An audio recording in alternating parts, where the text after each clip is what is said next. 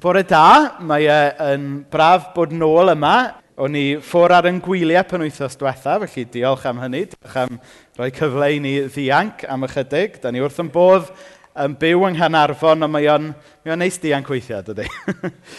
a, a bod yn rhywle gwahanol.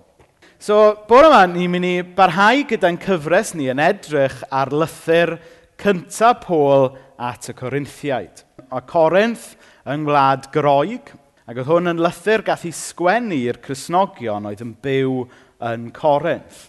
Oedden nhw yn Grisnogion eitha ifanc, oedden nhw dim ond wedi dod i gredu yn Iesu yn ddiweddar, ac o ganlyniad maen nhw yn amlwg yn bobl ac yn eglwys sy'n allan ni ddweud falle ychydig bach rough around the edges. Ond sy'n byd yn bod ar hynny, nag oes. Achos dydy Dyw ddim yn chwilio am bobl picture perfect ond mae'n chwilio am bobl genuine yn dydy.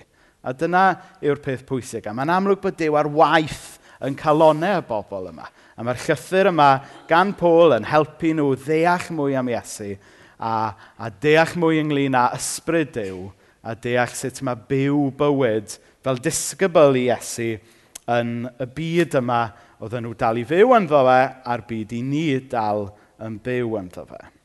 So, da ni wedi edrych ar lot o bethau, a da ni wedi cyrraedd penod 11 erbyn hyn. Um, a rhan o benod 11 sydd yn edrych ar swper yr arglwydd, e-, neu cymyn fel i ni'n dweud falle fwy yn yn traddodiad ni. So, yr adnodau dwi'n mynd i ddarllen bore yma ydy um, 1 Corinthiaid 11 adnod 23 ymlaen. Dwi wedi rhannu gyda chi beth wnes i ei dderbyn gan yr arglwydd. Ar y noson honno, pan gafodd ei fradychu, cymerodd yr arglwydd Iesu dorth. Ar ôl adrodd y weddi o ddiolch, dyma fe'n ei thori a dweud, dyma fy nghorff sy'n cael ei roi drostoch chi. Gwnewch hyn i gofio amdana i. Wedyn, gwnaeth yr un peth ar ôl swper pan gymerodd y cwpan a dweud, Mae'r cwpan yma'n cynrychioli'r ymrwymiad newydd mae Dyw neu wneud wedi selio gyda fy ngwaed i. Gwnewch hyn i gofio amdana i bob tro byddwch yn yfed ohono. Bob tro byddwch chi'n bwyta'r bara ac yn yfed o'r cwpan, byddwch yn coeddi ystyr marwolaeth yr arglwydd nes iddo ddod yn ôl eto. Felly, bydd pwy bynnag sy'n bwyta'r bara neu'n yfed o gwpan yr arglwydd mewn ffordd sy'n anweddus yn cael ei gyfrin euog o bechu yn erbyn corff a gwaed yr arglwydd. Dyna pam mae'n bwysig edrych yn fanwl ar ein bywydau cyn bwyta'r bara ac yfed o'r cwpan. So, darn cyfarwydd o'r Beibl, darn dyn ni'n tueddu ddarllen bob tro cyn bod ni yn cymryd y cymyn gyda'n gilydd. Nawr, dwi ddim yn gwybod beth yw eich profiad chi o swper yr arglwydd, o'r cymun. Mae'n siŵr bod gan bob un ohonoch chi brofiadau gwahanol yn does. Pan o'n i yn tyfu fyny, o'n i'n bennaf yn mynd i'r capel gyda mam, ond weithiau mynd i'r eglwys gyda dad. Felly, o ganlyniad, o'n i'n cael profi dau draddodiad gwahanol. Yn y capel, doedd dim lot o ddirgelwch a rhyfeddod yn perthyn i'r Cymru. Oedd e'n eitha matter of fact. Ni neu hwn, i'ch atgoffa chi o hyn. A, a rhywsyd oedd dirgelwch y peth falle yn cael ei golli. A dwi'n cofio y gweinidog yn mynd allan o'r ffordd i wneud y pwynt bod dim byd arbennig am y bara'r gwyn o gwbl, ond bod e'n atgoffa ni o rhywbeth arbennig. A, a ond i chi awgrymu bod yna rhywbeth arbennig am y bara'r gwyn, man y man i chi fynd yr holl ffordd i'r ifain. Dyna oedd yr awgrym.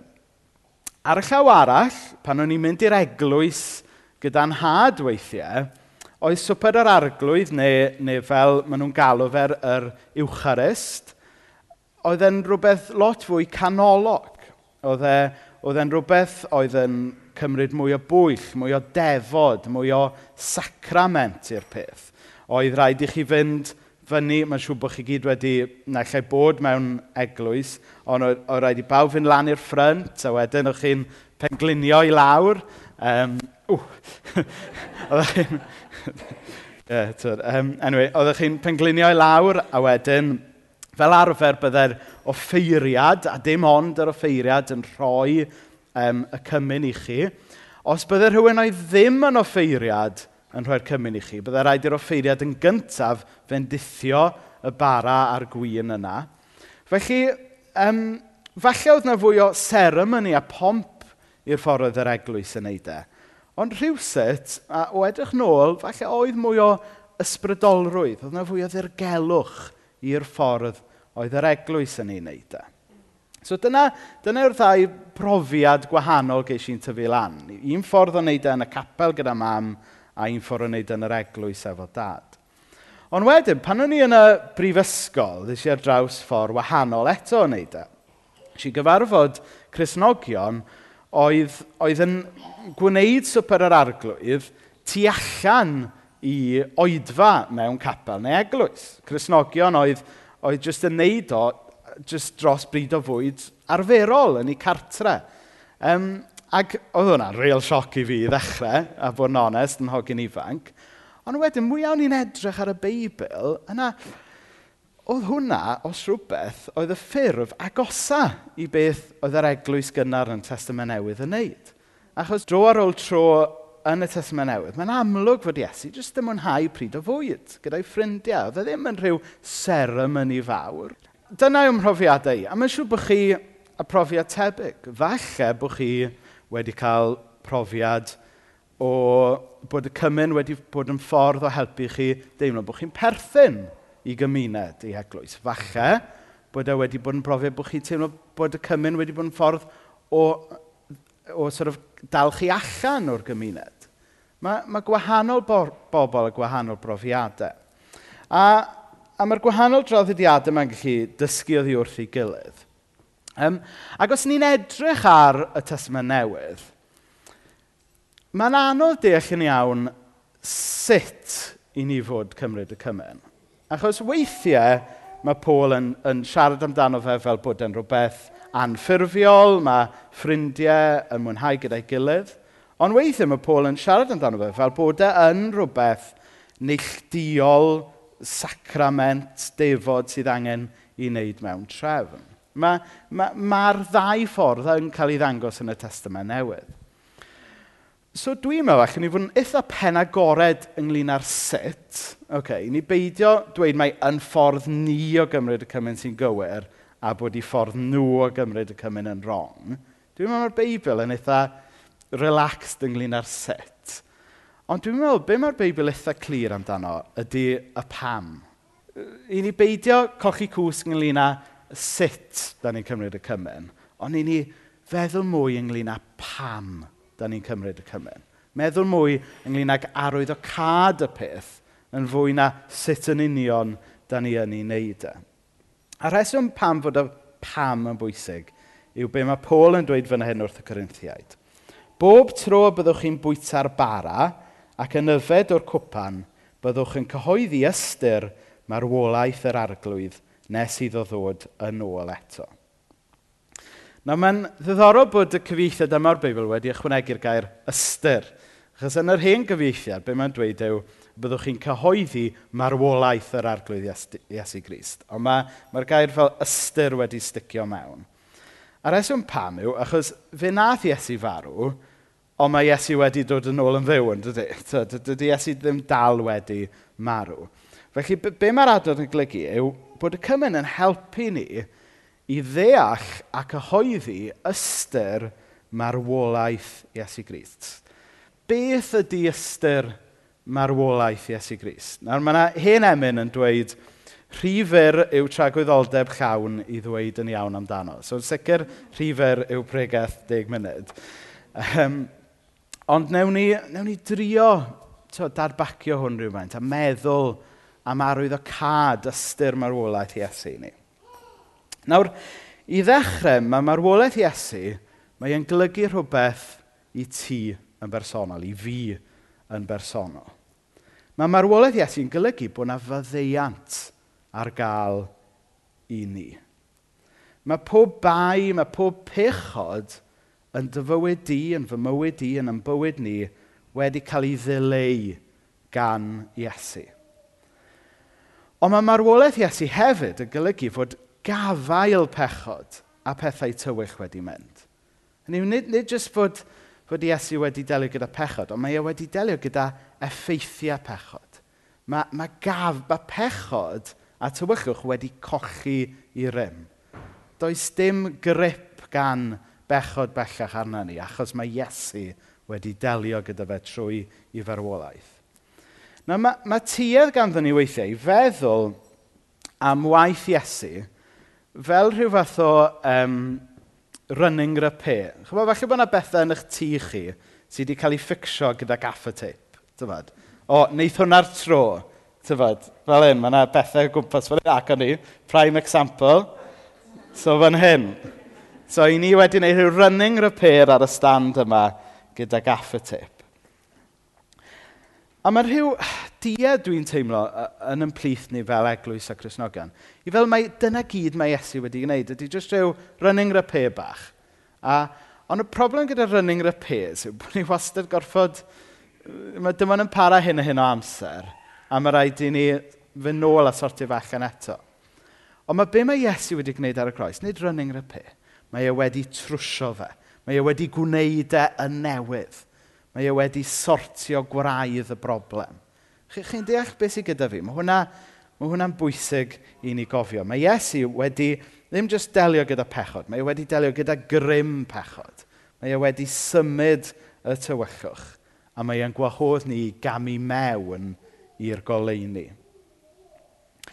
Nawr mae'r mae adnod arall yn y darn yma yn, yn, yn, yn gwahodd ni i holi ni yn hunain cyn bod ni yn cymryd uh, y bara a'r gwyn. Hynny yw, yn, gofyn i ni holi ni'n hunain, ydy ni wedi derbyn myddeiant Iesu.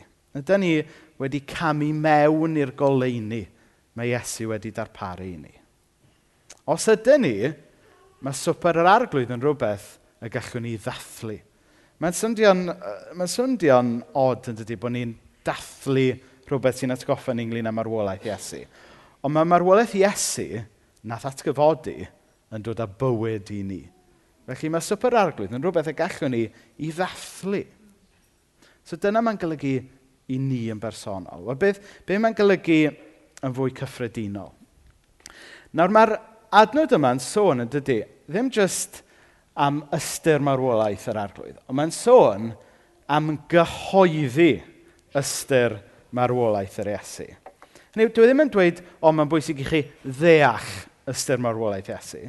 Dwi e ddim chwaith yn sôn am derbyn ystyr marwolaeth Iesu. Mae'n sôn am gyhoeddi marwolaeth Iesu. A mae, a mae hwnna bwysig tydi, oherwydd bod e newyddion da. Oherwydd bod hwn y newyddion sy'n dod a buddigoliaeth. Mae hwn yn newyddion sy'n symud pobl o dywychwch i'r goleuni. Mae hwn yn rhywbeth y gallwn ni ei ddathlu. Chwa, mae rhai traddodiadau chrysnogol yn sôn bod nhw yn dathlu swper yr arglwydd gyda'i gilydd. A dwi'n meddwl bod hwnna'n rhywbeth gallwn ni ddysgu yn y traddodiad ni. Bod ni yn dathlu swper yr arglwydd. Fel arfer, yn y traddodiad ni, mae, mae swper yr arglwydd yn rhywbeth syber, yn rhywbeth personol, yn rhywbeth, chywch chi gyd a'ch penel awr yn gweddio, gobeithio, ddim yn edrych ar y llawr. Um, a mae hwnna'n iawn yn ei le. Yny, mae, mae superarglwydd yn amser i chi'n bersonol gael amser gyda Dyw. Ond mae e hefyd yn rhywbeth i ni ddathlu gyda'n gilydd. A falle yn ein traddodiad ni, bod ni angen ei mwy o hynna. Bod angen i ni ddathlu swper yr arglwydd. Bod, achos yn y dathlu, i ni yn cyhoeddi ystyr marwolaeth Iesu Ac ystyr marwolaeth Iesu yw bod pechod wedi ddelio gyda fe. Bod tywychwch wedi drechu. Bod marwolaeth hyd yn oed wedi drechu a bod na oleini i ni gamu mewn iddo fe. Un o'r llyfrau, um, un o'r llyfrau'r foment ar hyn o bryd, a dwi ddim wedi darllen y llyfr, mae'n rhaid fi gyffesu, ond ddys i ar draws y dyfyniad arbennig yma o ddi wrtho fe. Tom Wright, The Day the Revolution Began, o'n i'n siarad amdano fe ddoi fo ffi. Mae Cori wedi darllen e, obviously.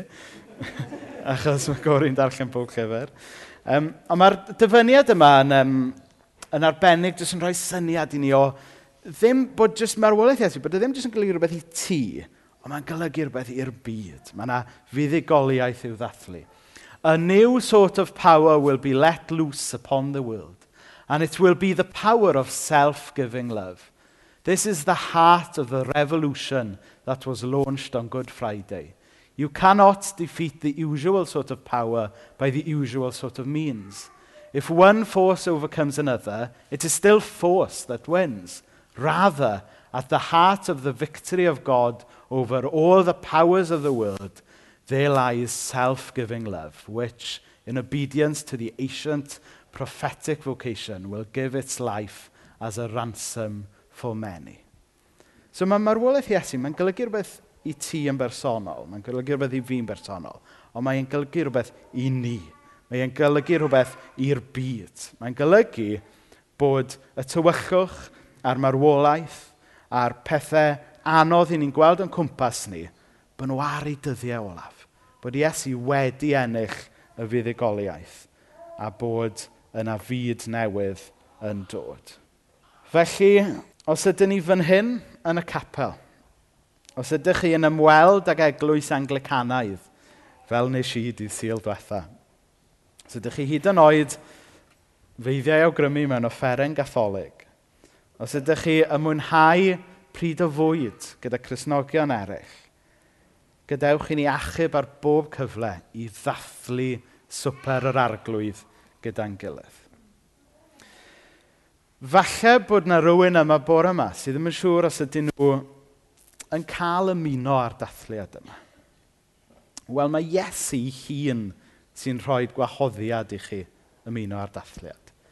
Ddim jyst bod Iesu'n rhoi gwahoddiad i chi, ond fe sydd wedi talu am y ffordd i chi gael dod i'r parti.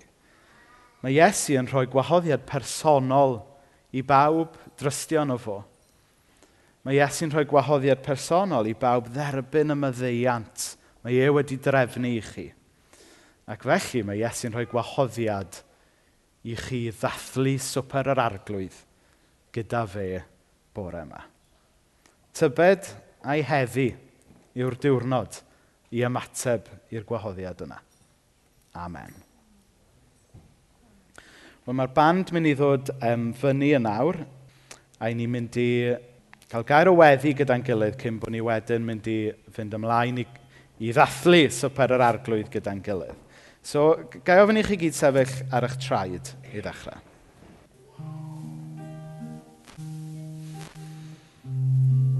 Wel, o ddiw dad, i ni yn diolch bod ti wedi yn caru ni.